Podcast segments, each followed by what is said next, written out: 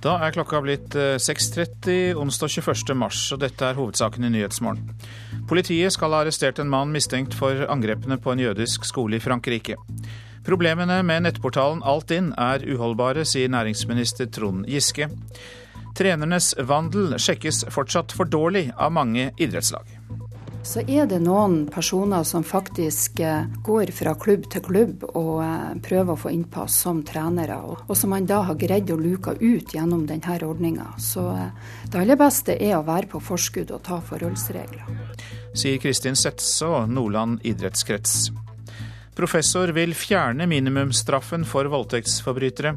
Mener skyldige kan gå fri fordi minimumsstraffen er for høy. Når du har høye minimumsstraffer, så vil domstolen av og til kvie seg for å domfelle, fordi man tenker kanskje ja, han er vel skyldig, men det blir for lang tid. Vi syns ikke han fortjener en så lang fengselsstraff. Professor offentlig rett Anne Robberstad. Og her i studio i dag, Øystein Heggen. Ja, vi har altså fått eh, melding om at politiet i Toulouse skal ha arrestert en mann mistenkt for eh, angrepene på soldater og en jødisk skole i eh, Frankrike. Utenriksmedarbeider Roger Severin Bruland, du vet mer? Ja, det har vært en omfattende politiaksjon eh, der de tror den antatte gjerningsmannen skal være involvert. De har da omringa denne antatte gjerningsmannen, og det skal ha vært en, en, en skuddveksling før han skal ha forskansa seg i sin leilighet. Og det har vært forhandlinger da, i løpet av morgentimene. Og nå har vi fått eh, melding om at han har eh, overgitt seg eller har blitt arrestert. Vi, ja, vi vet ikke ennå om han er levende eller død. Er det noen eh, meldinger i franske medier om hva slags person dette kan være? Eh, det de hevder, er at det er en eh, slags jihadist eh, som har fått sin utdannelse i de lovløse områdene mellom Afghanistan og Pakistan. Og at han har sagt til politiet at han kjemper for palestinske barn på Vestbredden. Og at han vil, vil hevne dem, da. Og at han tilhører Han hevder seg sjøl at han tilhører Al Qaida, den terrorrørsla.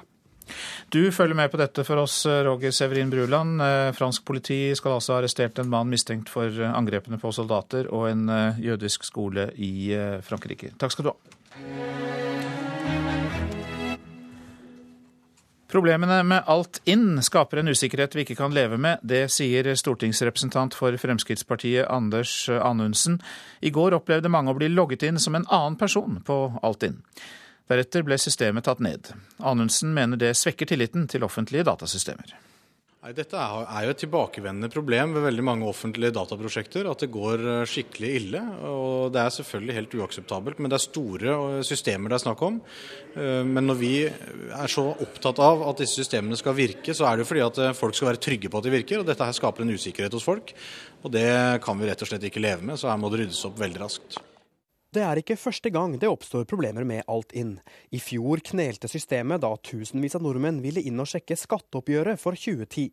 Den gang sa Nærings- og handelsdepartementet at de ville gå svært nøye gjennom hva som ikke hadde fungert, slik at situasjonen ikke skulle oppstå igjen. I år sier næringsminister Trond Giske følgende i en skriftlig kommentar til NRK. Det er helt uholdbart at Altinn må stenge ned systemene sine på den dagen alle vil sjekke selvangivelsen sin. Uavhengig av årsak så skal ikke dette skje. Anders Anundsen i Fremskrittspartiet mener nå departementet må gå i bresjen for å rydde opp. Jeg regner med at de allerede er i gang med å finne ut hva som har skjedd og hvordan dette skal unngås for fremtiden. Så er det jo en utfordring da at Nærings- og handelsdepartementet for et år siden sa at de skulle løse de store utfordringene, med det som resultat at utfordringene nå har blitt enda større. Reporter Halvard Norum. I USA vant Mitt Romney en overlegen seier i republikanernes nominasjonsvalg i den amerikanske delstaten Illinois. Da nesten alle stemmene var talt opp, lå Romney an til å få 47% oppslutning. Hans nærmeste utfordrer, kristenkonservative Rick Santorum, lå an til å få 35% med seieren i det som er president Barack Obamas hjemstat, har Romney tatt et nytt skritt i retning av å bli republikanernes kandidat ved presidentvalget til høsten. Så et blikk på avisene. Slik hjalp han milliardærvennen, skriver Dagbladet om utenriksminister Jonas Gahr Støre. Det er ikke første gang Støre hjalp Felix Tschudi, skriver avisa, som omtaler en søknad til SFT om oljeomlastning mellom skip i Bøkfjorden i Finnmark fra 2007. Derfor ble det skattekaos, skriver VG. Datasystemet som vi har nevnt til en milliard sviktet. Skandale i fjor og skandale i år, skriver avisa. Hanekamp i SV er Klassekampens overskrift, til bilde av Bård Vegar Solhjell og Heikki Holmås. Det er strid om hvem av dem som skal inn i regjeringen, i tillegg til Inga Marte Torkelsen, som virker klar for en jobb der. Ja til asylbarn, men nei til liberal asylpolitikk er Aftenpostens overskrift. Undersøkelse viser at halvparten av velgerne vil la asylbarn med lang botid få bli i Norge, men de færreste ønsker en mer liberal asylpolitikk. Asylbarna ingen kjemper for, skriver Vårt Land om de nesten 2500 barna som er sendt ut av Norge i løpet av tre år, uten at noen har hevet stemmen. Verdens rikeste mann, Carlos Slim, og norske milliardærer vil selge klimakvoter fra u-land, skriver Bergens Tidende. Slik vil de tjene penger på manglende utslipp i rike land. Kjøp manglende utslippskutt skulle være, i rike land. Kjøp av utslippsrettigheter er blitt milliardindustri. Se hva dere har gjort med vårt land, er overskriften i Dagsavisen. Det ble ropt til en marokkansk jente 22.07 i fjor, før det ble klart at en nordmann sto bak udåden.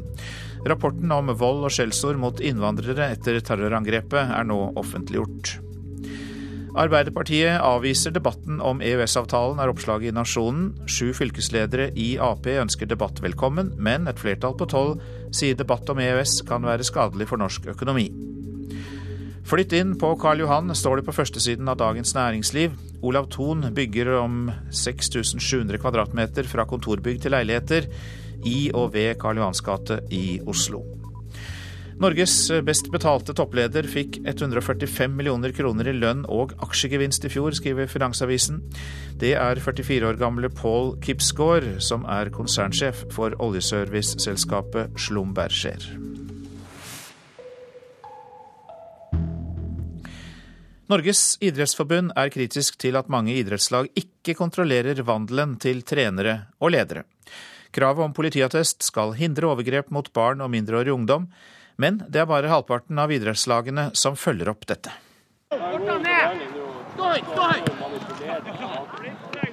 De er avgjørende for å trene opp nye idrettstalenter, men svært få av idrettslagene sjekker bakgrunnen til trenerne.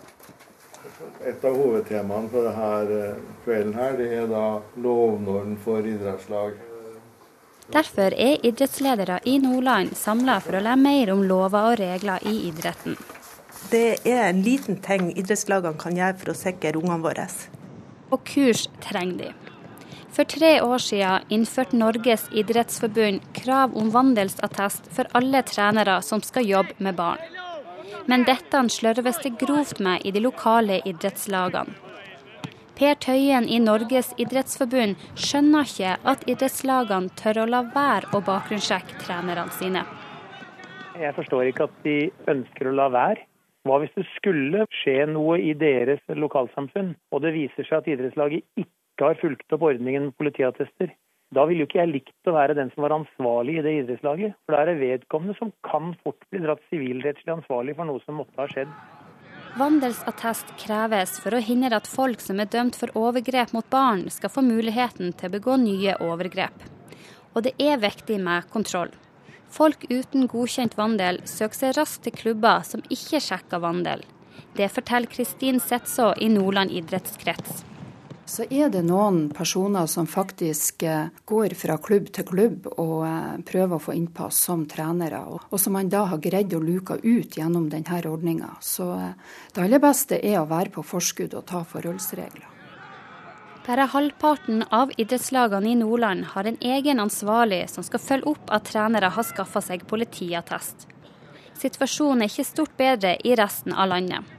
Og mange steder argumenteres det med at her er det små forhold, så alle kjenner alle. Dette utsagnet syns Marianne Fossum i Rensåsen idrettslag er urovekkende. Jeg vil oppfordre til å gjøre det sjøl om man kjenner folk godt. Det kan være litt ubehagelig, men hvis man får det inn som en rutine, så blir det naturlig å gjøre det. Til NRK sier politiet i Salten at det er umulig for de å kontrollere idrettslagene og trenerne. Tøyen i Norges idrettsforbund oppfordrer derfor alle idrettslag til å få på plass en ansvarlig til å sjekke attestene fortest mulig. Det som er vanskelig her, det er at eh, når man lager et system for å kontrollere politiattester, så toucher man borti både personvernlovgivning og man toucher borti en del forutsetninger som politiet har. Vi kan ikke lagre disse attestene. Vi skal ikke lagre disse attestene. Vi skal kun vise at de er blitt framvist. Derfor er den personen som skal sørge for at dette skjer i idrettslaget, utrolig viktig. Reporter her, det var Kjersti Fossåskaret Eltoft. Og eh, Morten Sandnes, du er med oss på telefon, og du er ansvarlig for arbeidet med å sjekke politiattester i Vålerenga fotball i Oslo. God morgen til deg. God morgen tilbake igjen. Du, Hvordan jobber du og klubben med dette?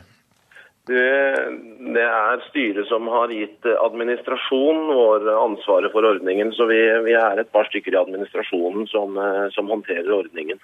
Er det mye arbeid og krevende? Ja, det vil jeg påstå. Det tar mye tid. Eh, og vi er jo en eh, klubb med en relativt stor administrasjon. og det er jo, jeg har en viss forståelse for, eh, for mindre klubber uten de, de, ressursene vi rår over. Jeg har, har noe problemer med, med, å følge opp eh, ordningen. Men, men like fullt er ordningen viktig. Ja, hvorfor er den det? Det du, du, du, du, har i hvert fall i teorien mulighet til å luke unna eh, uønskede elementer. Så det gir en viss grad av trygghet, selv om det ikke kan gi noen full garanti for at du ikke har, har uønskede elementer her. Men, men, den gir en viss grad av, av, trygghet for at du klarer å luke ut uh, en del. Og Dette gjelder jo da selvfølgelig trenere og andre ansatte, men det inkluderer vel også egentlig foreldre som jobber frivillig for klubben? Ja, det har i hvert fall vi tolket det som. Eh, så Vi har tolket det som at alle, alle trenere og lagledere som er tett på laget, men vi har ikke bedt om politiattest fra alle foreldre som f.eks. For kjører eh, barn til og fra kamp eller, eller, trening. Eh, det har vi ikke. Men alle foreldre, og, altså lagledere og trenere som er nært tilknyttet lagene, de, de må ha attesten i orden. Når dere har gjort så mye arbeid med dette, hvor tilfredse er dere med det dere har gjort så langt? Altså, Vi har jo de fleste Eh, trenere og lagledere på plass. Er, så, så, så, for oss så fungerer det tålelig greit. Men det er klart, jobben er jo i det øyeblikket noen av våre 70 lag bytter en lagleder trener. og og, få kommunisert det inn til kontoret at de har byttet, og når de har byttet, og da få, få ny, ny attest på plass osv. Det er det som er den store måte, utfordringen. Mange takk for at du var med oss, Morten Sandnes, ansvarlig for arbeidet med å sjekke politiattester i eh, Vålerenga fotball i eh, Oslo. Vi fortsetter med idrett, men nå om kampfiksing og ulovlig pengespill. IOC-medlem Gerhard Heiberg frykter forsøk på kampfiksing under sommerens OL.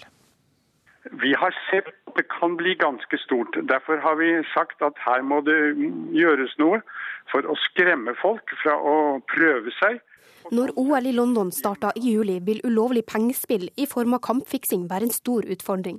Den britiske sportsministeren mener at det er den største trusselen mot vellykkede leker, og president i Den internasjonale olympiske komité, Jacques Rogge, har uttalt at kampfiksing er et større problem enn doping. Betting i det hele tatt er en stor sak i England. Så må vi prøve å få stoppet alt det som er ulovlig. Og eh, vi kjører ganske sterkt på dette med det håp om at eh, det ikke skal skje så mye ulovlig i forbindelse med lekene i London. Sier IOC-medlem Gerhard Heiberg. I et møte mellom spillselskaper og OL-arrangørene i går ble man enige om å samarbeide om å overvåke markedene for å unngå ulovlig pengespill. Formann i den britiske olympiske forening, Colin Moylihan, frykter et stadig voksende marked. Ingredients of a, a fairly lethal cocktail for illegal gambling um, becoming an international business Fotball og tennis har vært blant de mest utsatte idrettene, og mulighetene for hvilke utfall man kan spille på, blir stadig flere. Til tross for innsatsen som legges ned, tror ikke Gerhard Heiberg at London-lekene vil bli juksfri. Er det grunn til å tro at det er noen eh, utøvere som eh, vil prøve seg? Ja, vi har vel hatt eksempler det må jeg si, og som det ligger til grunn for at eh, vi nå setter i gang eh, i, langt større stil Så ja, verden er nå engang slik. Sa Gerhard Heiberg til reporter Maria Mikkelsen. Da passerte klokka kvart på sju akkurat der, og dette er hovedsaken i nyhetene. Politiet skal ha arrestert en mann mistenkt for angrepet på en jødisk skole i Toulouse i Frankrike. Problemene med nettportalen Altinn er uholdbare, sier næringsminister Trond Giske. Og som vi har hørt nettopp, trenernes vandel sjekkes eh, fortsatt for dårlig av eh, mange idrettslag. Men ikke av Vålerenga, for de var på lufta nettopp og sa at de eh, var veldig opptatt av dette.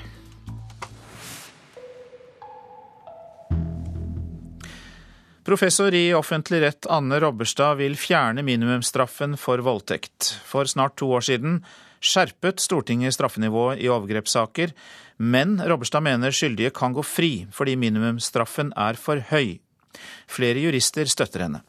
Jeg tror av at en del av disse overgrepene som faktisk har funnet sted, at de vil gå fri fordi at eh, minimumsstraffene er så høye som tre år. Snart to år er gått siden Stortinget besluttet å heve straffenivået i overgrepssaker. Også minstestraffen. Det innebærer at alle voldtektssaker som omfatter samleie, vil resultere i en straff på minst tre års fengsel. Anne Robberstad, som er professor i offentlig rett ved Universitetet i Oslo, er en av mange jurister som mener innføring av økt minimumsstraff kan få motsatt effekt i domstolene. Når du har høye minimumsstraffer, så vil domstolen av og til kvie seg for å domfelle, fordi man tenker kanskje ja, han er vel skyldig, men det blir for lang tid. Vi syns ikke han fortjener en så lang fengselsstraff som det minimumsstraffen er. NRK har gjennomgått over 300 tingrettsdommer som er avsagt i perioden 2009, 2010 og 2011. 17% av de tiltalte ble frikjent i tingretten. I lagmannsretten ender trolig tre ganger så mange saker med frifinnelse. Det innebærer at nær 40 av 100 vil bli frikjent for voldtektsanklagene. Flere jurister NRK har snakket med tror den økte minstestraffen kan medføre at juryen kvier seg med å dømme i mindre alvorlige overgrepssaker, og i stedet velger å frikjenne tiltalte. Ja, det tror jeg absolutt. Sier advokat Christian Wiig, som har forsvart en rekke voldtektstiltalte i retten de siste 30 årene. Spesielt hvis det gjelder en uh, ung tiltalt, en 17-18-årig unggutt. Jeg har hatt flere av disse tilfellene selv hvor man da eh, har rotet seg bort i et eller annet i fylla, og så eh, skjer da det kanskje uten samleie, og eh, man er ikke straffet fra før, og da har nok juryen kanskje en større tilbøyelighet til å tenke sånn så at her er det et skarpt krav om troverdighet. Vi skal være helt sikre, vi skal være overbevist om, om skyld, og så frifinner de seg. Advokat Helene Haugland har vært både forsvarer og bistandsadvokat i flere overgrepssaker. Hun er ikke enig i at minstestraffen er for høy. Jeg syns det er godt med minstestraffer, for det understreker alvoret i denne type forbrytelser. Eh, så jeg, jeg, jeg kan ikke se at det har betydning. Heller ikke sorenskriver i Stavanger tingrett, Helge Bjørnestad, tror domstolene vil frifinne som en konsekvens av for høye strafferammer. En minstestraff medfører ikke at du mister muligheten for å gjøre noe av straffen betinget. Du kan altså Ja, han skal ha tre års fengsel som minstestraff, men det går an å gjøre noe av det betinget. Statsadvokat Harald Grønlien i Rogaland har i sin årsrapport til Riksadvokaten vist til saker hvor juryen kan ha frifunnet som følge av høye minimumsstraffer. Det kan være slik. Vi har vel hatt enkeltsaker der vi tror at det kanskje kan ha vært et moment, men vi har ingen saker der vi kan si at det har vært slik. Reporter Ståle Frafjord, og etter klokka halv ni så kommer Arbeiderpartiets Jan Bøhler for å kommentere denne saken her i eh, Nyhetsmorgen. Staten mot tobakksgigant. Det er motpolen i en rettssak som starter eh, i juni, der Philip Morris utfordrer Norges forbud mot synlige tobakksprodukter i butikkene. Helseminister Anne Grete Strøm-Eriksen, du er i Singapore for å forene krefter med andre land i kampen mot helseskader fra tobakk. Og samler du argumentasjon til rettssaken på denne reisen? Ja, det gjør jeg jo. Jeg er jo på en uh, verdenskonferanse nå hvor uh, det er uh, representanter fra mange land som er utsatt for det samme som oss, nemlig som blir saksøkt av tobakksindustrien. Og det som er klart for oss alle, det er jo det at vi kan ikke akseptere at tobakksindustrien skal, skal gå til sak mot et land fordi at vi ønsker å beskytte befolkningens helse. Men EØS-avtalen knesetter jo prinsippet om fritt varebytte, og Philip Morris mener at forbudet vårt bryter med det. Så hvordan kan Norge rettferdiggjøre et forbud som da kan være i strid med handelsavtaler? Fordi vi er også et aktivt medlem i Verdens helseorganisasjon. Og Verdens helseorganisasjon har en tobakkskonvensjon som er på en måte det nærmeste du kommer internasjonal et internasjonalt lovverk eller rammeverk på helseområdet. Eh, hvor mange land har skrevet under på det, og hvor vi gjennomfører tiltak i henhold til den konvensjonen. Og Da er det helt klart målsettingen er å, eh, å beskytte helsen til folk. Eh, gjøre tiltak som gjør at eh, færre begynner å røyke. For det som er spesielt med tobakksindustrien, er jo det at de både produserer og selger en vare som, som faktisk gjør folk syke. Nå er det jo andre land, som du også nevnte, som har forbud mot synlige tobakksprodukter. Eh, men hvorfor har eh, Philip Morris plukket ut Norge for å konfrontere oss, eh, tror du? Det er ulike land som er utsatt nå for, for, søksmål. Og det er vel litt ulikt hva de går til søksmål mot i de ulike landene. Det er Irland, det er Panama, det er Australia, USA Uruguay. Eh, men eh, de har nok plukket ut oss fordi vi har gjennomført tiltak eh, over lang tid for å redusere tobakk, og fordi de også ser at tiltakene våre virker jo. Vi hadde jo en nedgang i antall røykere i fjor. Det går jo stadig nedover. 17% av befolkningen røker fremdeles daglig. Men det som er viktig for meg, er jo spesielt at vi får eh, lykkes med en politikk som hindrer, altså som beskytter barn og unge, og som eh, for så hindrer eh, ungdom i å begynne å røyke. Mange takk for at du var med på telefonen fra Singapore, helseminister Anne Grete Strøm Eriksen, som altså samler argumentasjon til den rettssaken som starter i juni, der Philip Morris utfordrer Norges forbud mot synlige tobakksprodukter i butikkene. Historien om eh, Anders Behring Breivik blir nå satt opp på et teater i Amsterdam. Oppsettingen i Nederland har skapt bråk, fordi forfatteren sier han deler flere av Behring Breiviks meninger. Even kijken. Ik vind u eng, weet u dat? Zonder bang voor u te zijn. Het is meer een intellectuele vrees. Bent u soms fascist of een nazi? Breivik. Ik heb u al verschillende keren gezegd, meneer Wilders, ik ben net als u. Torsdag står Anders Behring Breivik på scenen i The Bali i Amsterdam i en dialog med den nederlandske islamkritiske politikeren Gert Wilders. Det er en mann som heter Theodor Holman som har skrevet dialogen, som blir framført av to skuespillere. Holman er kjent som aviskommentator og forfatter. imaginary meeting between Geert Wilders and Anders Breivik. What would they have said to each other when they met? Det er et tenkt møte mellom Wilders og Breivik før 22.07.2011, hvor nordmannen full av beundring for den profilerte islamkritikeren spør hvor langt er du villig til å gå, Wilders? Sjøl om Wilders har markert avsky mot terrorhandlingene i Norge og mannen som sto bak, mener Holman at de to står for det samme politisk. Han har lest den 1500 sider lange teksten som blir kalt Breiviks manifest, og han viderebringer tankegodset gjennom dialogen på scenen. Han mener til og med at det er viktig å lese teksten for å forstå massedrapsmannens fantasiverden. Maybe he's a complete lunatic. I think he's a complete lunatic, but still you have to, to reckon with his ideas. It's the stuff that fantasy world of Breivik is made of. I et par avisintervjuer de siste dagene har han sagt at han føler seg politisk beslekta med Anders Behring Breivik. Not all, for me, not all his views are crazy. It are the same views that Theo van Gogh and I had. Og det har skapt avisoverskrifter. En gruppe har også trua med demonstrasjoner utafor teatret ved premieren på torsdag. For us, it's well now it's a really a crowded and, and busy day because of the there's a lot of threats now. There was one big threat, and people say we have to throw rotten eggs to the, the front of the valley. Olivier Wilhelmsen hos arrangøren Debali skjønner at de har rørt borti noe som vekker reaksjoner, med kontroversielle Theodor Holman som dramatiker og en Breivik-figur på scenen.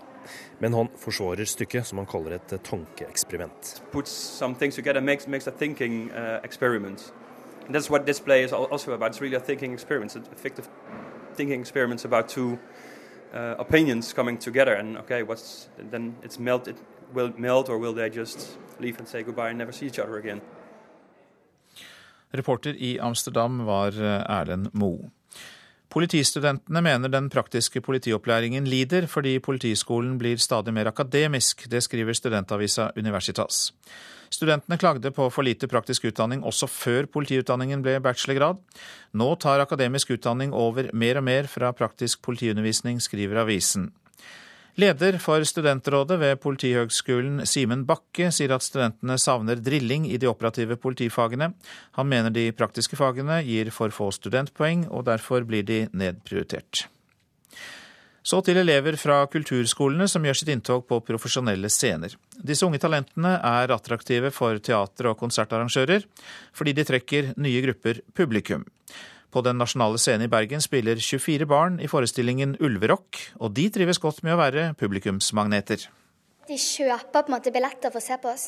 De kommer ikke bare familien, men liksom alle sammen de som vil, og du betaler, liksom. Ida Elvik har mjuke harepusører og værhår. Charlotte Schreiber Hjortland er utkledd som geit. Det er 12 og 13 år og to av 24 barn som spiller i ulverock på Den nasjonale scenen. Altså, det er veldig spesielt at vi får oppleve noe helt nytt som vi aldri har prøvd før. I hvert fall ikke de fleste av oss. Jeg vil la barna slippe til, som du sier, fordi at de tilfører noe helt unikt til forestillingen. Teatersjef Agnete Haaland er nøyd med det første store samarbeidsprosjektet mellom DNS og Bergen kulturskole. Og hun er ikke alene om å ville samarbeide. Det forteller rektor Mardon Ovik Kvitsland. Ja, Vi opplever at det er en økende interesse for dette i, i, samfunnet generelt. Og det kan ha sammenheng med at uh, flere kulturinstitusjoner lager familieproduksjoner. Så jeg tror kanskje vi har blitt dyktigere til å samarbeide med profesjonelle institusjoner. Uh, og samtidig så er det et økende marked og en økende interesse for dette. Altså, Det kommer jo sikkert veldig mange barn, så de sier at det er, er familieforestilling. Og da er det barn som tar med seg voksne, som liksom anmelder det videre til andre familier. Vi håper jo også at det genererer økt interesse for den nasjonale scene. Det er jo på en måte den store gevinsten for oss. Så det er å gi og ta her. Vi gir masse kompetanse til dem. De gir masse talent til oss. Og trolig blir det flere barn fra kulturskolen å se på den nasjonale scenen framover. Vi ønsker å være mer åpne. Vi ønsker å samarbeide med flere organisasjoner, institusjoner og parter ute i samfunnet. Både for å rekruttere nytt publikum, men også for å skape teater som vi ellers ikke ville klare å skape. Reporter i Bergen, Rebekka Nedrebotn Strand. Hvordan ser en dag ut i Dag Solstads liv? Nei, Det er mye å glane inn i veggen, rett og slett. Mens man prøver å finne på ideer, eller? Eller at noe skjer, at noe skal skje. Vente på at noe skal skje. Det er jo det som er jobben. Radioselskapet, hver dag klokken 11 på NRK P2. Og Det som skjer nå, er værvarselet. Rondane, fjellstrøkene Dovrefjell, svenskegrensa. Vestlig kuling utsatte steder, litt snø. Regn under ca. 1300 meter. Fra i ettermiddag stort sett opphold. Fjellstrøkene Trollheimen, Jotunheimen og Langfjella. Vestlig kuling, snø av og til i vestlige strøk. Regn under 12 til 1500 meter. I østlige områder stort sett opphold. Østlandet og Telemark får til dels pent vær i dag, men noe mer skyet i nordlige områder. Agderfylkene får skyet vær og utrygt for tåke i vest, men ellers opphold og til dels pent. Rogaland og eh, Hordaland litt regn og yr, vesentlig i nord, etter hvert oppholdsvær. Lokal tåke hele dagen. Sogn og Fjordane sørvest periodevis liten kuling, og ved Stad sterk kuling. I ettermiddag dreiende sørlig og minkende. Regn og yr, snø over 1000 meter. Lokalt mye nedbør og eh, lokal tåke. Møre og Romsdal og Trøndelag får sørvest stiv kuling i dag. Regn og yr, snø over 8-1000 meter, og lokalt mye nedbør. Lokal tåke også i Møre og Romsdal og Trøndelag. Helgeland og Saltfjellet nå økende nedbør, mest som regn. I ettermiddag øking til sørvestlig liten kuling. Salten og Lofoten får litt snø, i kyststrøkene regn. I ettermiddag økende nedbør, i kveld liten kuling. Ofoten og Vesterålen stort sett oppholdsvær. I ettermiddag etter hvert sludd eller regn. Troms opphold eller til dels pent og til dels pent vær. Fra i ettermiddag mulighet for litt snø eller sludd lengst sør. Finnmark enkelte snøbyger i vestlige kyststrøk, ellers stort sett opphold og til dels pent vær. Temperaturer målt klokka fire. Svalbard minus ni, Kirkenes minus sju, Varde minus tre. Alta og Tromsø minus sju, Bodø pluss to, Brønnøysund pluss fire. Trondheim pluss to, Molde pluss ni, Bergen-Flesland 8, Stavanger 7, Kristiansand 9, Gardermoen 8, Lillehammer 1 grad. Det samme hadde Røros 1 grad. Og på Oslo-Blindern var det oppe i 7 grader pluss klokka 4 i natt.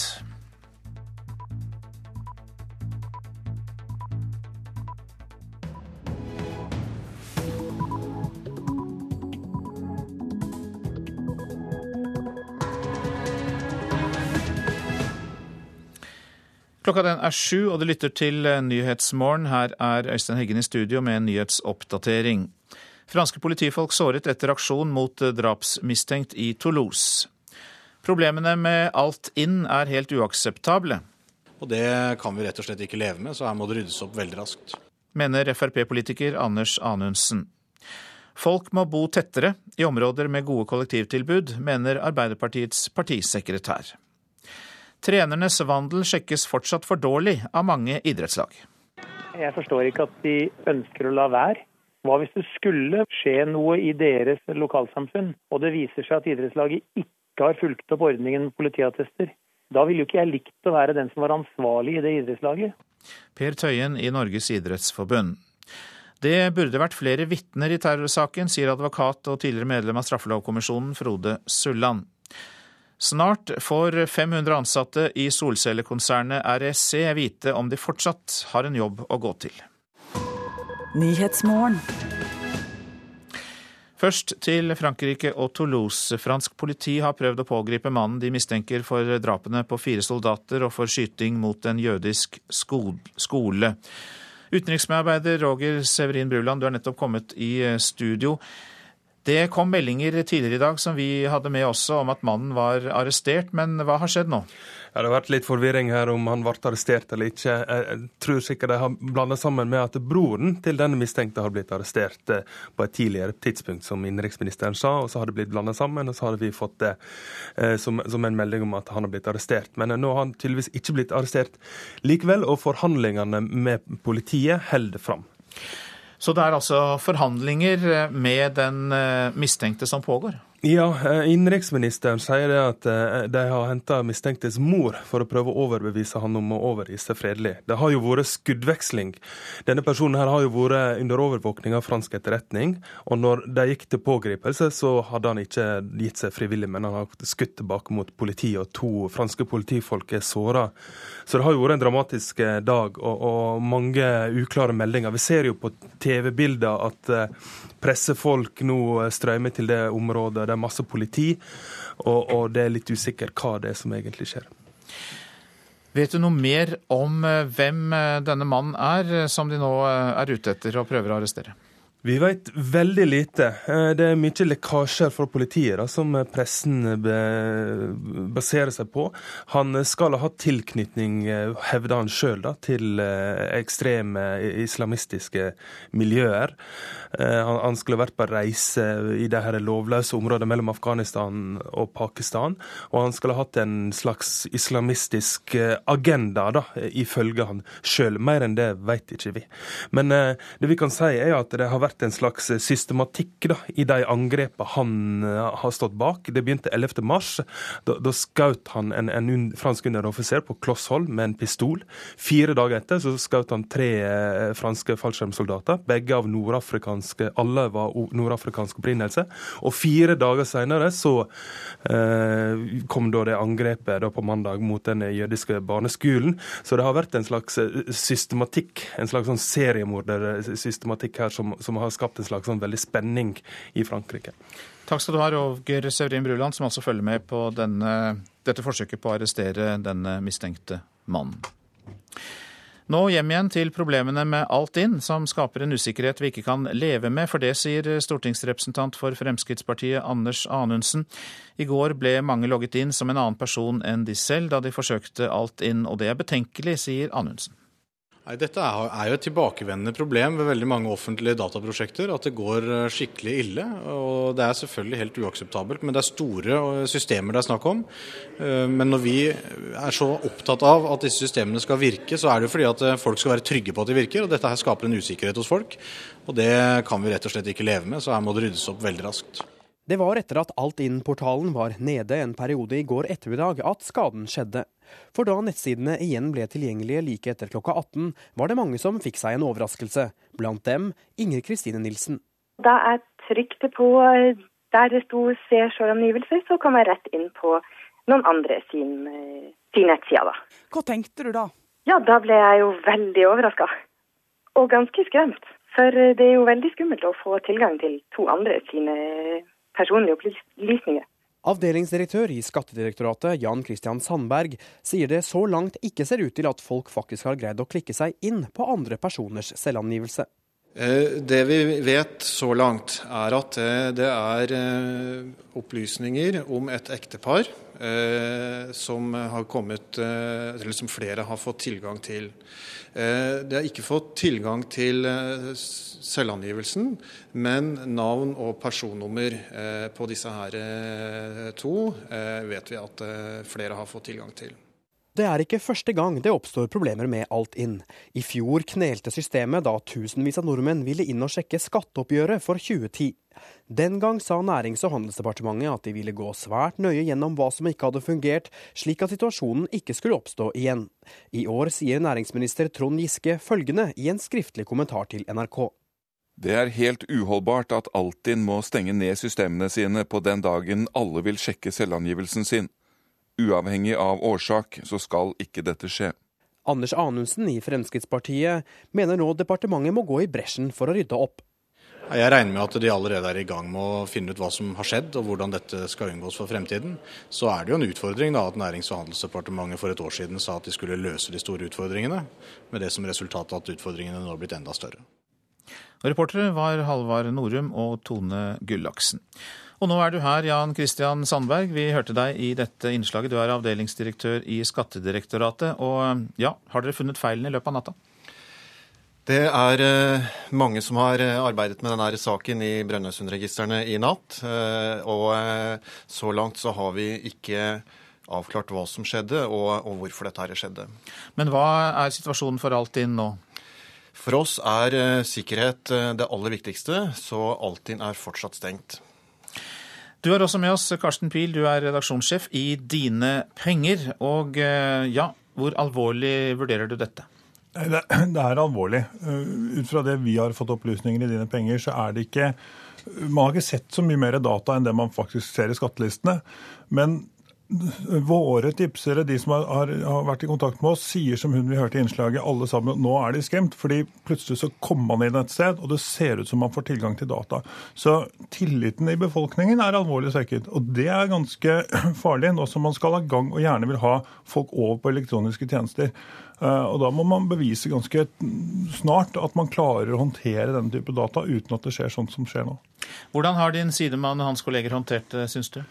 Altså, jeg syns de har gjort en, for så vidt en god jobb. De har vært uh, ute med ganske bra med informasjon etter at dette skjedde, og de har jobbet med det. Men det, det er et illustrasjon her at det er skatteetaten som sitter her i studio, men så er det Brønnøysund som drifter registrene, så Brønnøysundregistrene som drifter Altinn.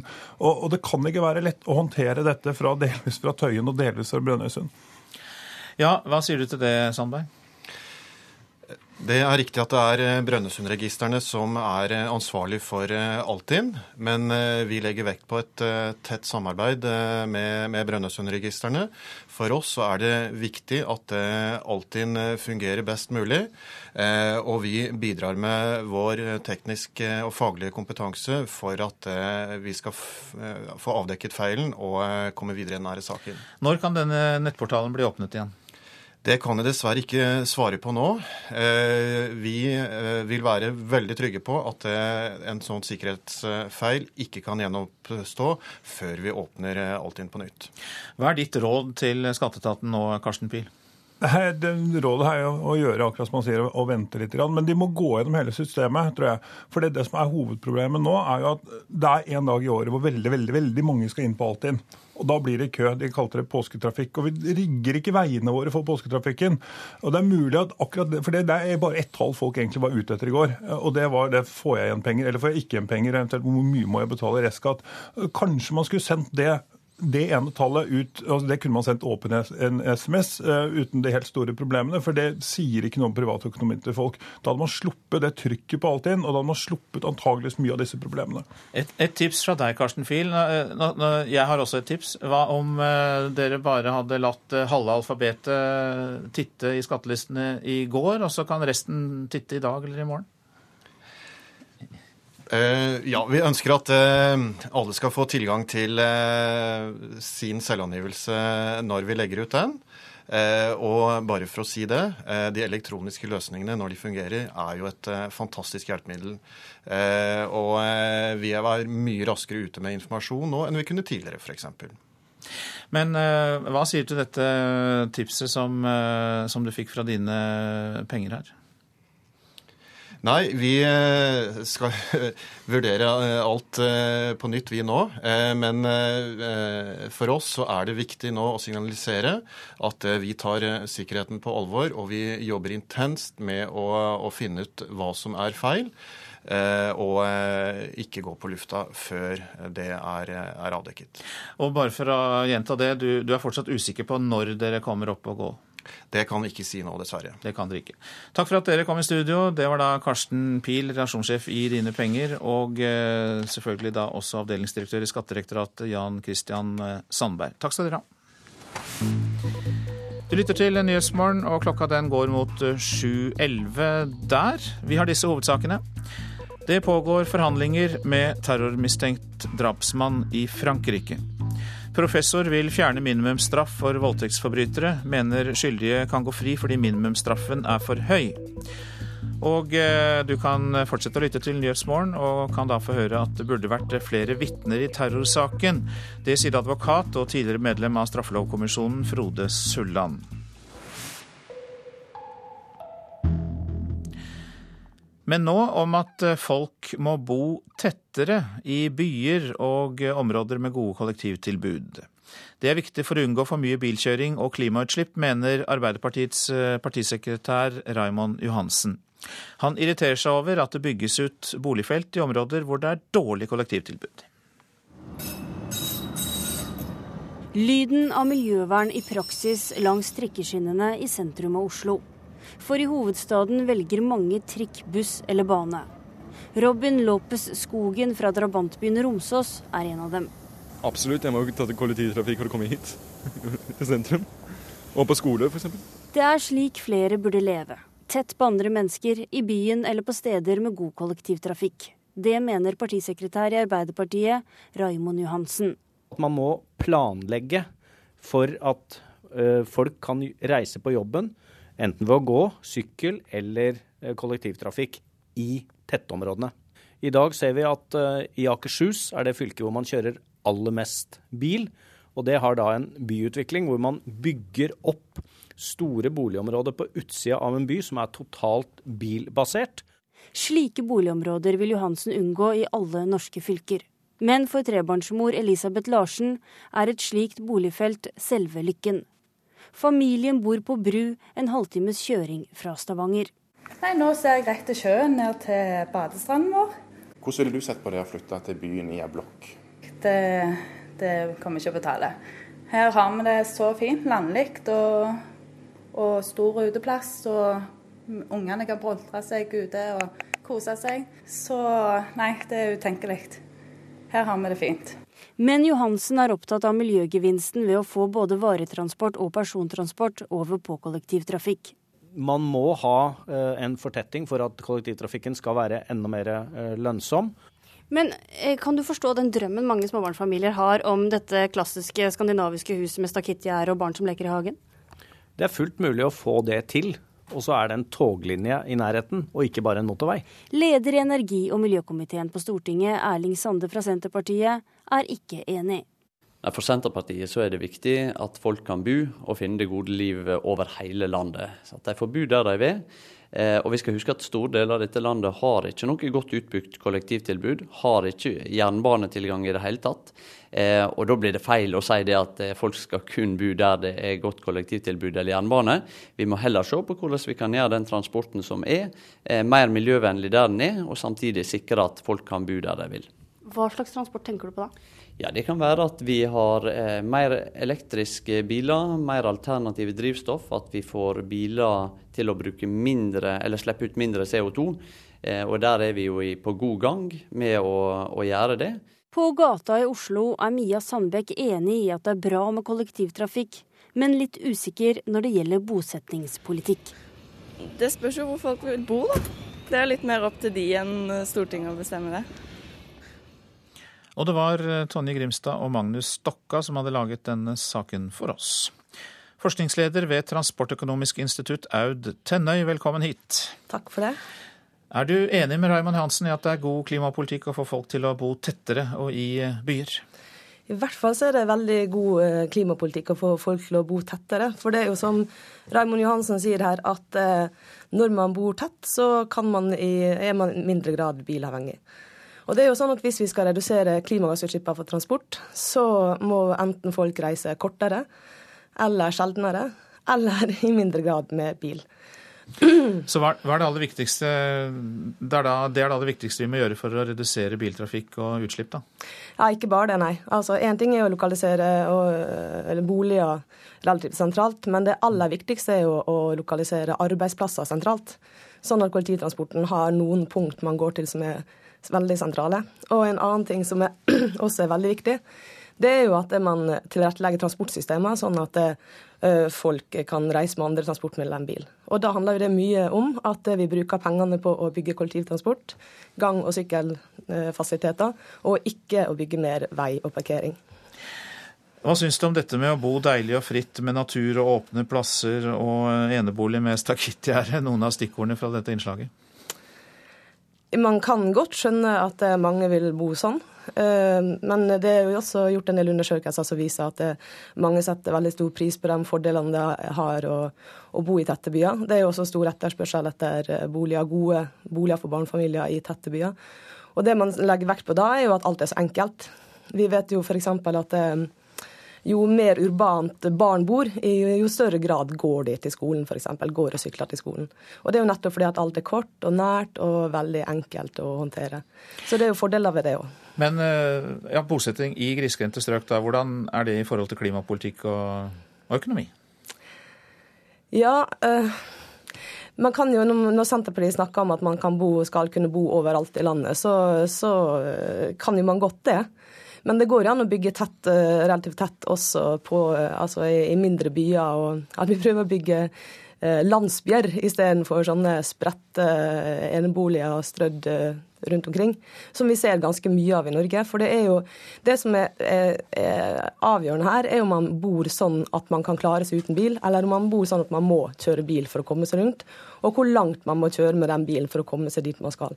Og Hvis man bor veldig spredt på landet, så må man kjøre langt for å komme til alle ting, og da slipper man ut mye klimagassutslipp når man transporterer seg.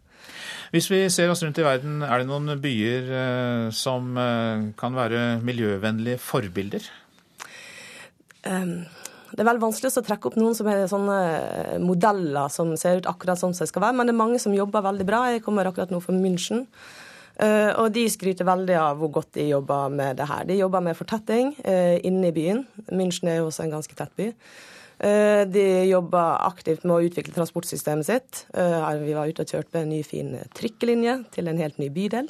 Og de har jobba mye med gang- og sykkeltrafikken sin og fått opp sykkelandelen fra 6 til 18% tror jeg det var, på bare et par år.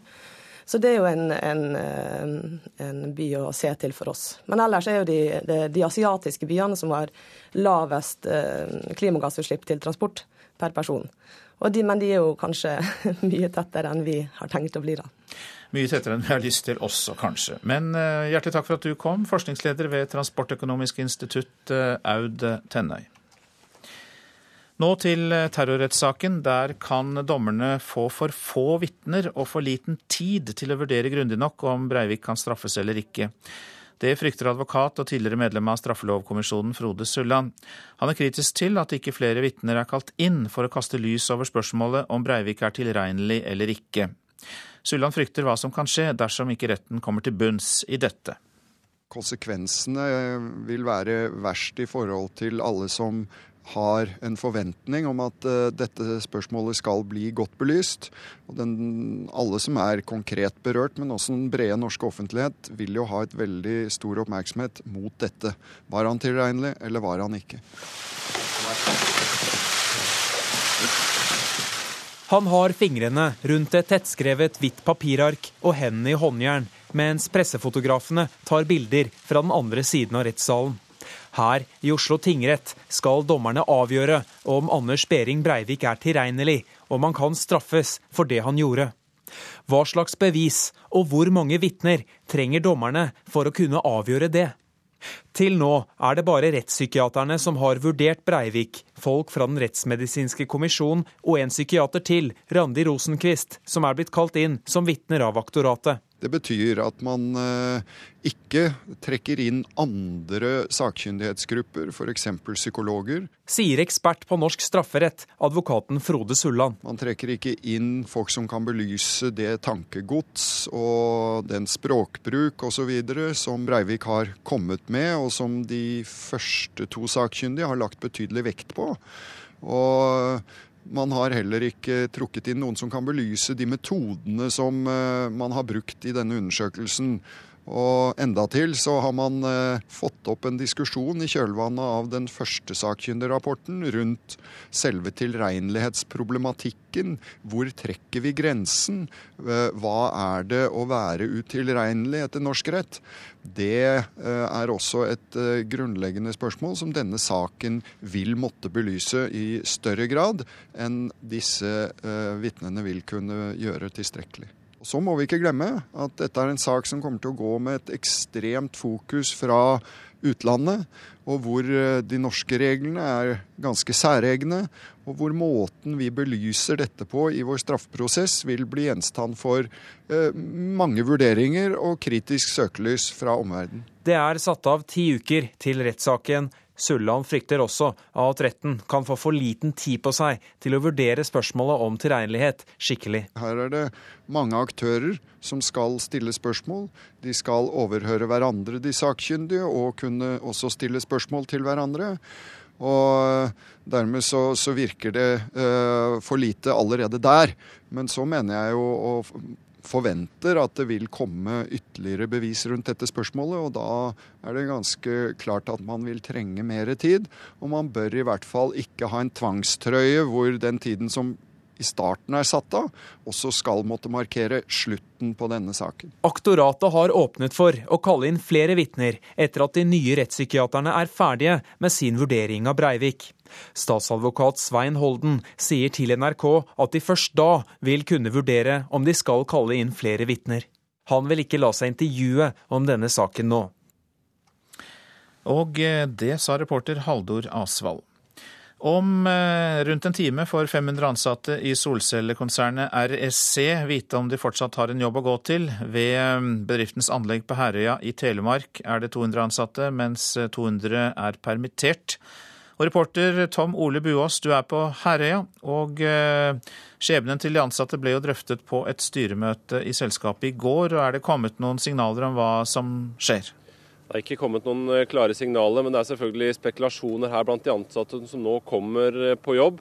Og det er ikke så veldig optimistiske spekulasjoner. Det går fra da frykten om at alt blir lagt ned, til håp om at det kan komme en liten utsettelse som de ansatte kan få et lite håp av.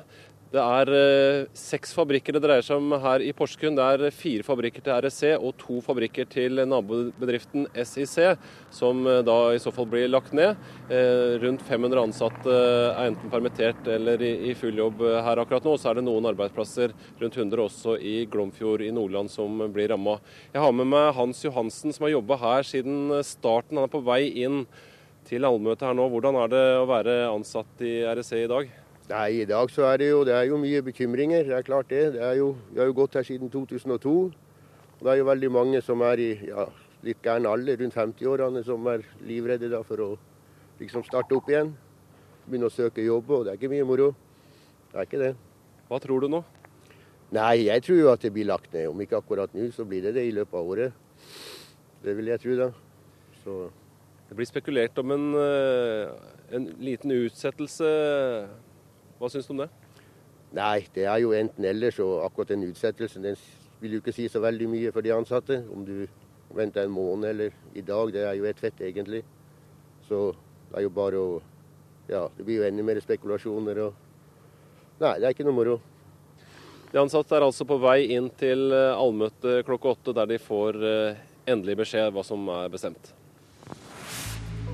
Her i Nyhetsmorgen titter vi litt på avisene. Slik hjalp han milliardærvennen, skriver Dagbladet om utenriksminister Jonas Gahr Støre.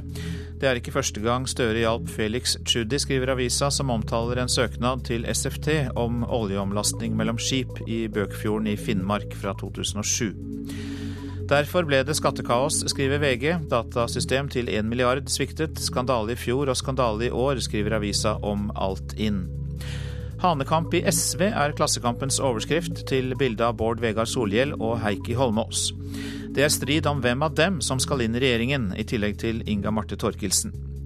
Ja til asylbarn, men nei til liberal asylpolitikk er Aftenpostens overskrift. Undersøkelse viser at halvparten av velgerne vil la asylbarn med lang botid få bli i Norge, men de færreste ønsker en mer liberal asylpolitikk. Asylbarna ingen kjemper for, skriver Vårt Land om de nesten 2500 barna som er sendt ut av Norge i løpet av tre år, uten at noen har hevet stemmen.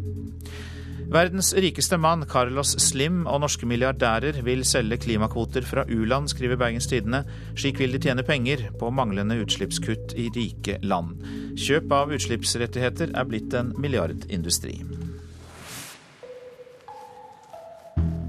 Og i dag legger den britiske finansministeren fram sitt statsbudsjett, som nok en gang blir preget av innsparinger, og som nok en gang blir møtt med demonstrasjoner. Det er særlig knyttet spenning til hvilke grep som tas i skattepolitikken.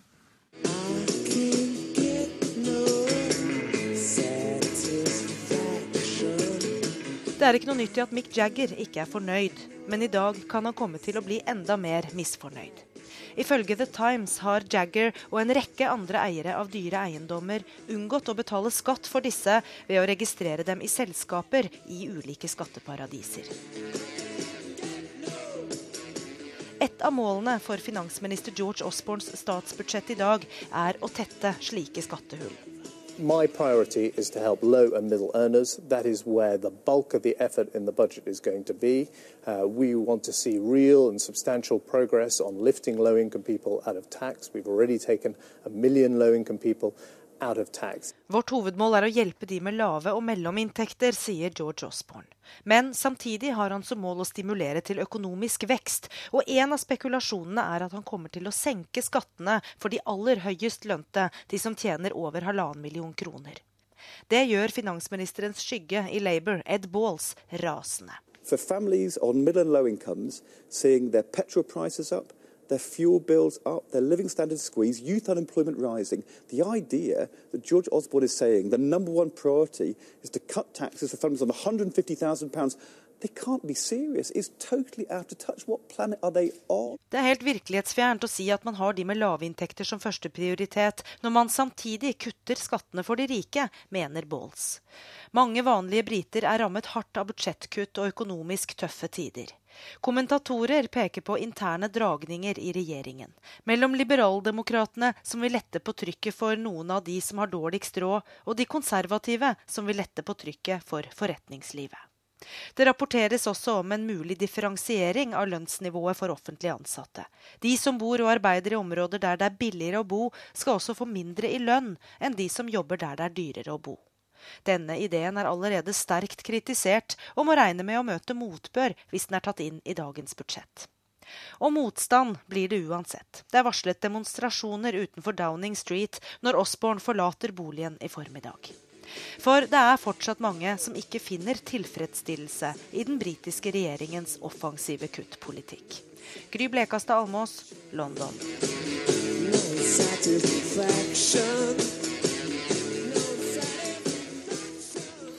Du lytter til Nyhetsmorgen på NRK P2, og eh, vi minner om at vi etter Dagsnytt skal eh, omtale presidentvalget i Venezuela. Og eh, Politisk kvarter, det vet vi jo begynner kvart på åtte. Da skal vi få høre om stortingspolitikere som er sterkt kritiske til datasystemet Altinn, at det sviktet og er stengt.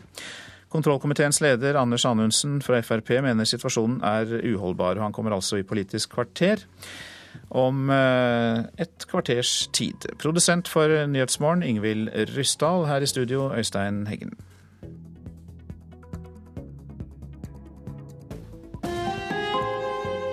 Hør ekko. Grunnloven skal pusses opp. Men eh, må vi egentlig ha den? Er den det viktigste du har som nordmann, eller kan vi bare kaste den? Har du kommentarer eller spørsmål om den store røde boka, kan du sende dem til oss på e-post ekko.krøllalfa.nrk.no, eller skrive til oss på vår Facebook-side, og hør på Ekko. Ekko 9 11 i NRK P2.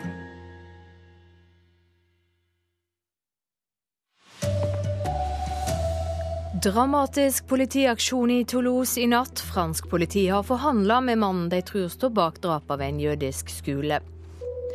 Rotet med den offentlige nettportalen Altinn svekker tilliten til styresmaktene, mener Frp. Og mange idrettslag slurver med å hente inn politiattester fra trenere i barneidretten. God morgen, her er NRK Dagsnytt klokka 7.30. Fransk politi har i natt altså forsøkt å pågripe mannen de mistenker for flere drap den siste tida. Politiet mener mannen både skjøt og drap fire soldater nylig, og at han tok livet av fire mennesker utenfor en jødisk skole mandag. Og Det kom altså til skuddveksling under politiaksjonen i Toulouse i natt. To politifolk ble lettere skadde da spesialstyrker omringa mannen sitt husvære. Og utenriksmedarbeider Roger Severin Bruland, har fransk politi nå klart å pågripe mannen? Det kom meldinger om at han var arrestert, men det viste seg å være feil. Så situasjonen er fremdeles eh, uavklart.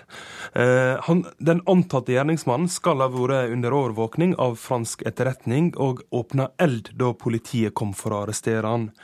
Politiet trakk seg da unna og begynte å forhandle med mannen. Hva vet vi om den mistenkte? Vi vet at han er kaldblodig og systematisk. Siden 11. mars så har han hver fjerde dag gått til angrep. Først skjøt han en offiser med pistol. Fire dager etter tre fallskjermsoldater. Fire dager etter to babyer og ei sju år gammel jente på en jødisk barneskole. Han hevder i forhandlinger med politiet at han har en ekstrem islamistisk agenda, og at han sympatiserer med Al Qaida. Hva politiske konsekvenser får aksjonen i natt? Nå har flere presidentkandidater tatt en pause i valgkampen i respekt for de døde, men kommentatorene tror at valgkampen nå vil handle om innvandring. En tror det er noe høyresida vil tjene på. Takk skal du ha, Roger Severin Bruland. Vi skal hjem igjen. Trass i jobbing i hele natt har ikke den offentlige nettportalen Altinn funnet årsaker til feilene som oppsto i går, da svært mange nordmenn logga seg inn for å sjekke skatten. Flere tusen brukere fikk nemlig se personopplysningene til en Oslo-mann i stedet for sine egne skatteopplysninger.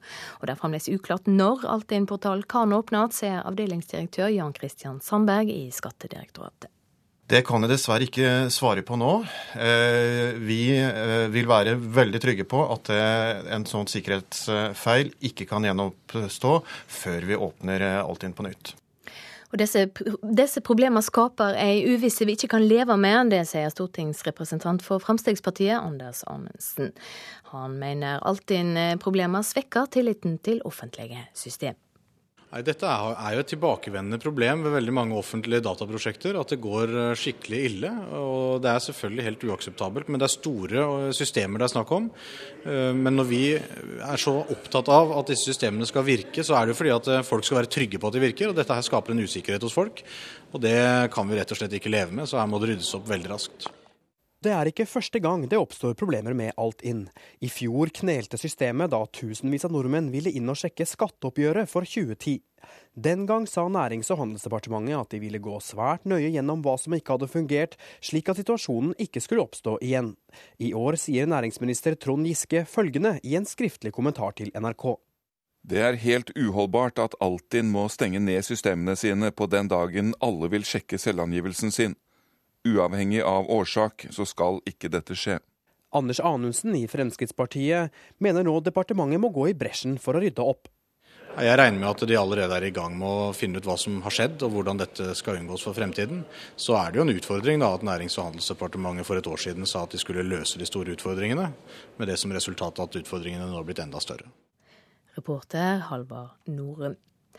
Folk må bo tettere i byer og i områder med gode kollektivtilbud. Det er viktig for miljøet, sier Arbeiderpartiets partisekretær Raimond Johansen.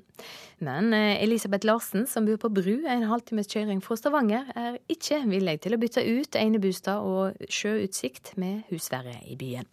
Nei, det er utenkelig. Her har vi det så fint, landlig, og ungene kan boltre seg ute og kose seg. Boligfelt med grønne plener langt utenfor byen.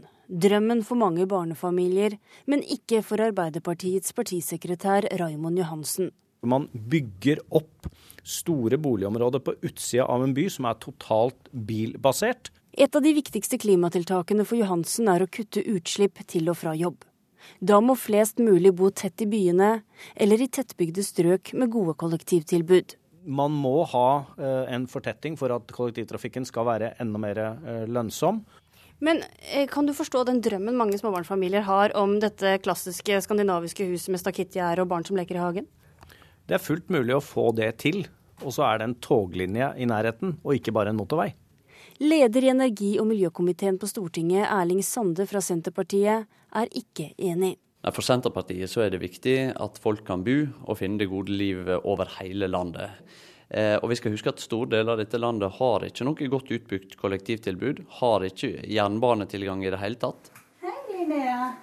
På et boligfelt en halvtimes kjøring fra Stavanger våkner åtte måneder gamle Linnea. Hei sann, smiler du? Hvordan er det for hun å bo på Bru?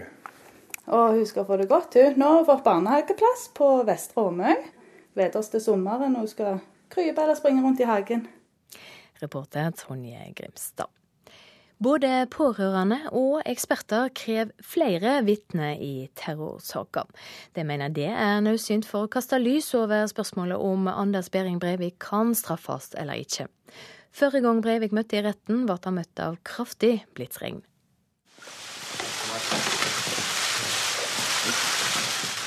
Han har fingrene rundt et tettskrevet hvitt papirark og hendene i håndjern, mens pressefotografene tar bilder fra den andre siden av rettssalen. Her i Oslo tingrett skal dommerne avgjøre om Anders Behring Breivik er tilregnelig, om han kan straffes for det han gjorde. Hva slags bevis og hvor mange vitner trenger dommerne for å kunne avgjøre det? Til nå er det bare rettspsykiaterne som har vurdert Breivik, folk fra Den rettsmedisinske kommisjon og en psykiater til, Randi Rosenquist, som er blitt kalt inn som vitner av aktoratet. Det betyr at man eh, ikke trekker inn andre sakkyndighetsgrupper, f.eks. psykologer. Sier ekspert på norsk strafferett, advokaten Frode Sulland. Man trekker ikke inn folk som kan belyse det tankegods og den språkbruk osv. som Breivik har kommet med. Randi Perrault mistet sønnen sin på Utøya, og vil også ha flere vitner i retten. Det betyr mye for det å godta den dommen, så blir det endelig resultat.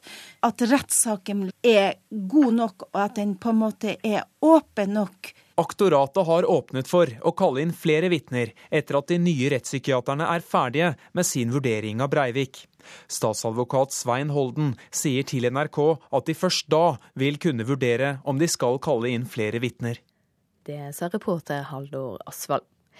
Ei bombe gikk i lufta i dag tidlig utenfor den indonesiske ambassaden i Paris.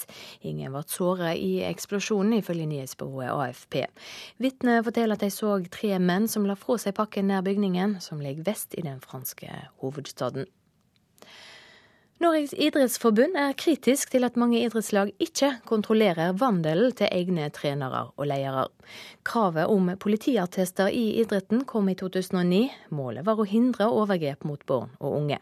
Men tre år etter er det bare halvparten av idrettslagene som følger opp. De er avgjørende for å trene opp nye idrettstalenter. Men svært få av idrettslagene sjekker bakgrunnen til trenerne. Per Tøyen i Norges idrettsforbund skjønner ikke at idrettslagene tør å la være å bakgrunnssjekke trenerne sine. Hva hvis det skulle skje noe i deres lokalsamfunn, og det viser seg at idrettslaget ikke har fulgt opp ordningen med politiattester?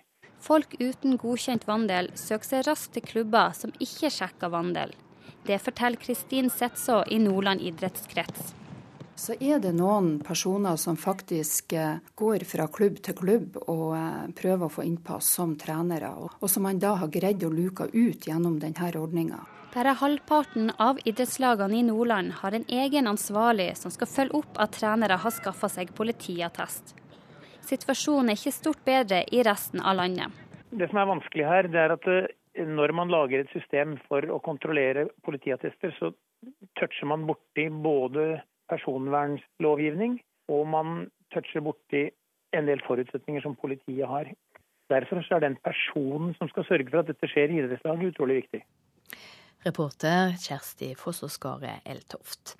Ansvarlig for dagsnyttsendingene denne morgenen, Ragnhild Bjørge. Teknisk ansvarlig, Frode Thorshaug. Her i studio, Silje Sande.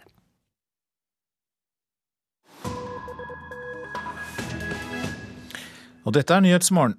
I Venezuela er det presidentvalg til høsten. President Hugo Chávez, som nylig ble kreftoperert, satser på enda en seksårsperiode.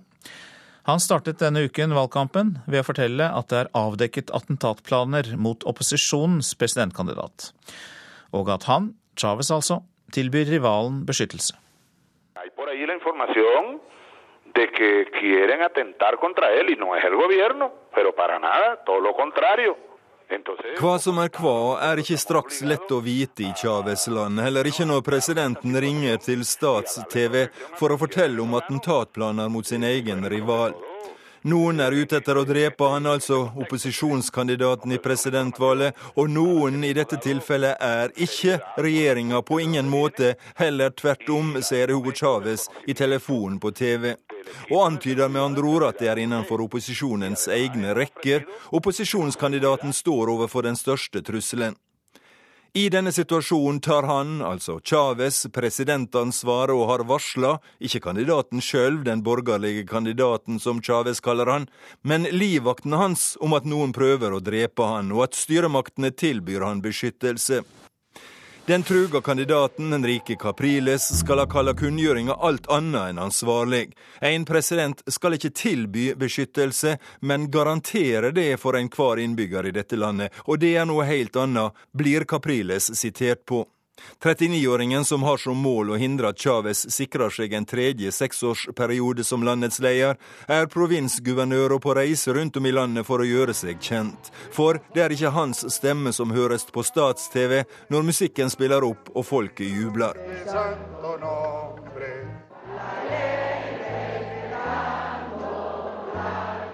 de marzo, al ritmo, gracias a Dios, de mi recuperación física fra balkongen på presidentpalasset leier Hugo Chávez allsangen før han takker Gud for at han er tilbake og klar til å fortsette kampen, som han kaller det, og gjøre seg rede til igjen å vinne valget. La fuerza, el amor, la razón amorosa Styrke, kjærleik, oppofring, det er det vi skal bruke for å nøytralisere den hatefulle tvilen som vi vet preger enkelte deler av samfunnet, sier Chávez kryptisk, og fortsatt like kryptisk, sitat, vi overgir oss ikke for provokasjoner. No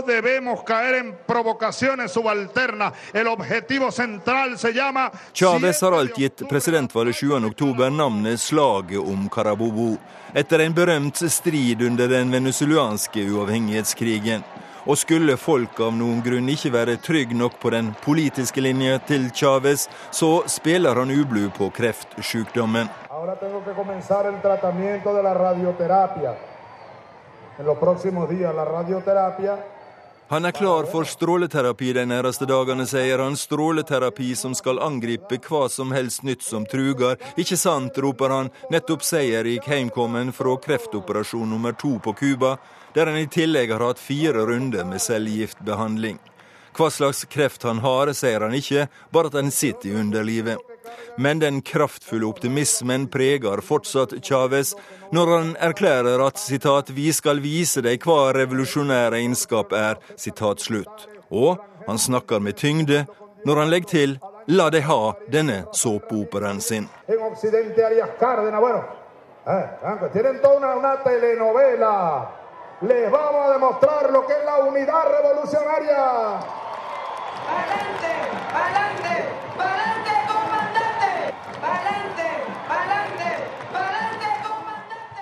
Reporter var Gunnar Myklebust. Dette er Nyhetsmorgen, og dette er hovedsakene. Fransk politiaksjon i Toulouse i natt. Politiet forhandler med mannen de tror står bak drapene ved en jødisk barneskole. Rotet med offentlige nettportalen Altinn svekker folks tillit til myndighetene, mener Fremskrittspartiet. Mange idrettslag slurver med å hente inn politiattester fra trenerne i barneidretten. Og da er det tid for Politisk kvarter, Eirik Ramberg. Og det er dette med at stortingspolitikerne er sterkt kritiske til datasystemet Altinn som sviktet eh, og er stengt, som blir tema for deg. Ja, som vi har hørt i Dagsnytt i morges, mener både stortingsrepresentanter og statsråder at dette er uholdbart og krever rask opprydding.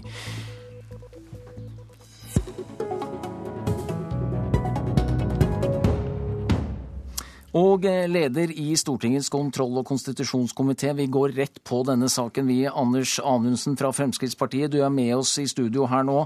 Eh, du har altså i NRKs nyhetssendinger i morges krevd rask opprydding i saken. Hva må skje nå helt konkret, mener du? Vi har jo hatt flere utfordringer med Altinn over tid. Det brøt jo sammen også på samme tid i fjor. Eh, nå får vi den samme utfordringen, men med den tilleggsdimensjonen at noen da har fått tilgang til opplysninger fra andres ligninger. Og det er alvorlig, fordi det svekker tilliten til hele det offentlige system og muligheten de har til å behandle dataopplysninger skikkelig. Det som må skje, er selvfølgelig at de finner feilen. Jeg har forstått at de fortsatt ikke har funnet feilen. Og så må den rettes opp, og så må kapasiteten på Altinn være av en sånn, uh, sånn, størrelse at de faktisk klarer å håndtere det de er ment å håndtere. Og Dette skaper jo store problemer, ikke bare for de som nå vil kikke på ligninga si, men for alle andre tjenester også i Altinn, som er veldig viktige for næringslivet. Og det er for mange ganske alvorlig. Parlamentarisk nestleder i Arbeiderpartiet og medlem av kontrollkomiteen, du også, Martin Kolberg. Du er med oss på telefon her nå. Anundsen krever at regjeringen og departementet tar tak i svikten i nettstedet Altinn umiddelbart. Hva sier du til det som har skjedd? Nei, Jeg stoler helt og fullt på at eh, de som har det konkrete ansvaret for dette, gjør alt hva de kan for å rette opp denne feilen. Jeg er selvfølgelig enig i at dette er veldig uheldig og ikke såkalt akseptabelt. Men ja. dette er jo ikke gjort med vrang vilje. Og eh, jeg tror at vi kan løse dette ganske fort. Departementet følger selvfølgelig dette nøye, fordi at det er en veldig viktig portal for mange. Det må være perfekt, det må være ordentlig og det må være tilgjengelig. Og jeg støtter selvfølgelig alle initiativ for å få dette i orden. Men jeg syns ikke vi skal trekke det så langt som jeg forstår at eh, Anundsen er inne på, at dette liksom svekker holdningen og troverdigheten til myndighetene. Dette er en teknisk feil som ingen eh, i og for seg kan noe for sånn sett. Og Derfor så skal vi bare nå få rettet dette og få Altinn opp igjen som en viktig portal. Men utfordringen ved dette er jo at uh, en får tilgang til andres opplysninger, og det er åpenbart at det er mye mer problematisk enn at systemet går ned. Og det er helt åpenbart at dette svekker offentliges tillit til uh, Eller den offentlige De vanlige folks tillit til offentliges behandling av data. Så jeg er litt overrasket over at Kolberg har litt passiv tilnærming akkurat til det spørsmålet. Poenget er jo at vi må sikre at folk skal kunne ha tillit til de systemene som behandler denne typen sensitive data. Kolberg, bare, bare ras til dette. Din eh, kollega i finanskomiteen, Torgeir Micaelsen, sier at dette er en skandale. Hva sier du? Ja, Det er absolutt ikke bra. Eh, selvfølgelig er det ikke det. Men jeg bare mener å si at dette svekker tilliten til offentlig myndighet, er å trekke konklusjonen litt for raskt og litt for, for høyt. Det er bare det som er min kommentar. Jeg mener jo ikke at dette er bra på noe sett og vis. Spesielt det som eh, blir påpekt, at man får tilgang på andres opplysninger. Det er ikke akseptabelt på noe sett og vis. Men å svekke Eh, holdningen til myndighetene og tillit til myndighetene, syns jeg bare at det er å trekke det litt for langt. Men som vanlig skattyter, så, som vanlig skattyter, så har i hvert fall jeg fått mindre tillit til det. Der setter vi strek for Altinn-debatten i denne omgang, for dere blir med oss videre i sendingen nå om habilitet. I går sa utenriksminister Jonas Gahr Støre fra Arbeiderpartiet at det, er, at det var riktig av ham å ikke be om å få sin habilitet vurdert da Utenriksdepartementet bevilget 6 millioner kroner i 2008 til eh, Senter for nordområdet logistikk. Og eh, Anders eh, Anundsen, hvorfor mener du Støre burde fått vurdert sin habilitet av andre enn seg selv? Ja, Her fremkom det først og fremst tydelige opplysninger i søknaden fra Rederiforbundet at uh, Støres uh, venn, eller hvor nær venn det er, det får uh, tiden vise, men at han var sterkt involvert i dette prosjektet. Det har jo også vært klart at han har vært en av de sterke pådriverne og initiativtakerne i dette prosjektet. Nå snakker den, du om Felix Tschudi? Riktig. Og med den, med den uh, tilknytningen som de da angivelig skal ha hatt, så mener jeg det er naturlig for en statsråd å si at her kan det være at jeg bør Eller at jeg kan få en habilitetsutfordring. Derfor vil jeg ha noen til å vurdere det. Og da skjer jo det ut, uh, fra ganske normale prosedyrer i departementet, hvor statsråden da ber om embetsverkets, eventuelt Lovavdelingen, Justisdepartementets lovavdelings uttalelse og råd i den sammenheng. Da ville Støre ikke hatt noen problemer i denne saken. Martin Kolberg, du mente at eh, det var for tidlig å trekke disse konklusjonene da du snakket eh, om dette i går. Eh, hva vil opposisjonen oppnå med denne offensiven, mener du? Nei, Vi har forskjellige syn på dette, og jeg stoler helt og fullt på utenriksministerens forklaring i denne saken. Det er ikke noe grunn til å tro at han har vært reelt inhabil her. Det var Rederiforbundet som var søker i den aktuelle saken.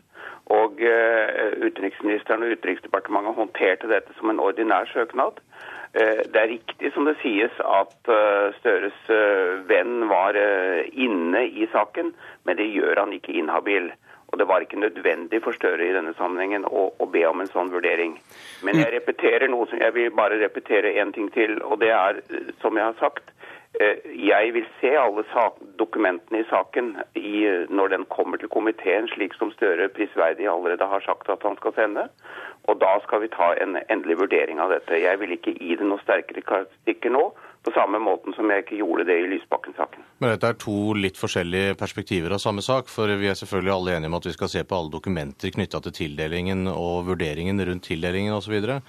Men det som er min kritikk og Fremskrittspartiets kritikk, er jo at en bør som statsråd uh, se at dette kan bli et problem hvis man ikke foretar en sånn habilitetsvurdering. Og vi har over tid sett at det er flere deler av regjeringen som ikke har vært oppmerksomme nok på habilitetsutfordringer. Utenriksminister Støre er selv på vei til Brussel i fly nå. I dag eh, så skriver Dagbladet at utenriksministeren skal i 2007 ha grepet personlig inn for å få omgjort en beslutning i Miljøverndepartementet i en omstridt sak om eh, oljeomlasting omlasting. Og eh, det har også vært involvert av presset fra stabssjef Karl Erik Skjøtt Pedersen ved statsministerens kontor, skriver Dagbladet her. Og også dette eh, involvert da i en klagesak som også involverte rederiet til Støres barndomsvenn, altså Felix Tschudi. Eh, Kolberg, disse nye opplysningene som Dagbladet bringer i dag, hva forteller det deg? Nei, altså Jeg kjenner ikke detaljene i den saken, og vil derfor være veldig forsiktig med å kommentere det nå. Eh, jeg forstår det slik at dette er en sak hvor veldig mange statsråder har vært inne i bildet. Eh, og eh, at det er en sak som hadde et veldig lokalt, sterkt engasjement. Og hvor både da den stabssjefen ved statsministerens kontor og andre statsråder var involvert. Og jeg tror ikke det er slik at Støre var noen hovedperson i denne saken. Anundsen, hva mener du må skje i denne saken nå? Jeg kjenner ikke detaljene i de nye opplysningene utover det jeg har lest i Dagbladet i dag. Eh, og dette er jo på en måte en del av en intern prosess i en regjering. Og hvem som snakker med hvem og hvem som påvirker eh, hvem i ulike situasjoner, det vil nok variere fra sak til sak. Og det at en har et politisk engasjement, det er viktig. Så det er også nødvendig i denne typen saker at en ikke trekker dette habilitetsspøkelset i hermetegn for langt. For det at en har en eller annen som på en eller annen måte kan få et eller annet ut av noe, betyr ikke det samme som at man er helt avskåret fra å engasjere seg. Det som skiller denne, dette spørsmålet fra den saken vi så i går, er jo at den saken i går dreier seg om konkret uh, penger som på en eller annen måte kan ha bidratt til å berike noen. og Derfor er uh, de sakene ganske ulike, etter min oppfatning. Tar også med at Støre sier til Dagbladet i dag at han har ikke utøvet noe press i denne saken, og ikke snakket med Tschudi, sier altså Støre til Dagbladet. Og politisk kommentator her i NRK, Magnus Takvam, du er med oss eh, her nå. Hvor Hvorfor er disse habilitetsreglene så viktige? Fordi eh, dersom de blir brutt, så eh, er de egnet til å svekke tilliten til forvaltningen hos eh, folk flest. Slik at det som er formålet med å ha habilitetsregler, og det som er på en måte det underliggende, er nettopp det å ha tillit til at forvaltningen bevilger penger og opptrer på en måte som er nøytral, og at ikke spesielle interesser på en usaklig måte blir tilgodesett på bekostning av andre. Uttalelsen fra landets fremste eksperter om habilitet eh, spriker jo fullstendig i denne saken. Eh, hvordan vurderer du det? Det viser jo i hvert fall at juss ikke er noen eksakt vitenskap, eh, og det visste vi for så vidt fra før.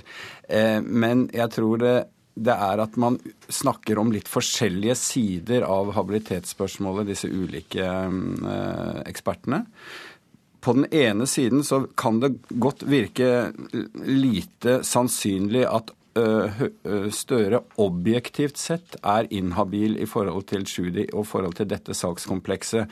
For der er det i bestemmelsene konkrete regler som er listet opp med slektskapsforhold, eierskapsforhold, styremedlemskap og slike ting på den ene siden. slik at i sum eh, kan, det, kan sakens eh, forhold tyde på at han ikke er inhabil i den forstand. Men som jeg var inne på, så er nettopp hensikten med bestemmelsene å eh, ikke svekke tilliten til forvaltningens nøytralitet. Og hvis det er noe ved sakens forhold som man bør se i ettertid kan bidra til det, så er det da denne på en måte føre var-tankegangen om at da bør man i hvert fall reise problemstillingen internt i forvaltningen for å være sikker på at det ikke blir en debatt etterpå. Så jeg tror det er der diskusjonen i denne saken kommer til, til å gå.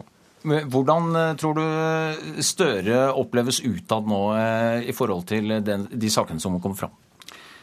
Vel, Der tror jeg folk deler seg litt etter hva de mener om han fra før. Men eh, det er klart at serien av saker som berører dette forholdet, er, er et politisk tema som naturlig opposisjonen og andre bruker. Det er, det er ingen tvil om det. Så det er en ubehagelig Eh, type sak dette for, for, regjeringen. Og det skaper en dagsorden som ikke er noe særlig hyggelig for regjeringen. De får jo ikke snakke så mye om sine egne saker og ta initiativet selv. Magnus Takvann, du blir med oss videre i sendingen. Martin Kolberg og Anders Anundsen, takk for at dere stilte opp i Politisk kvarter. Nå om de såkalte asylbarna.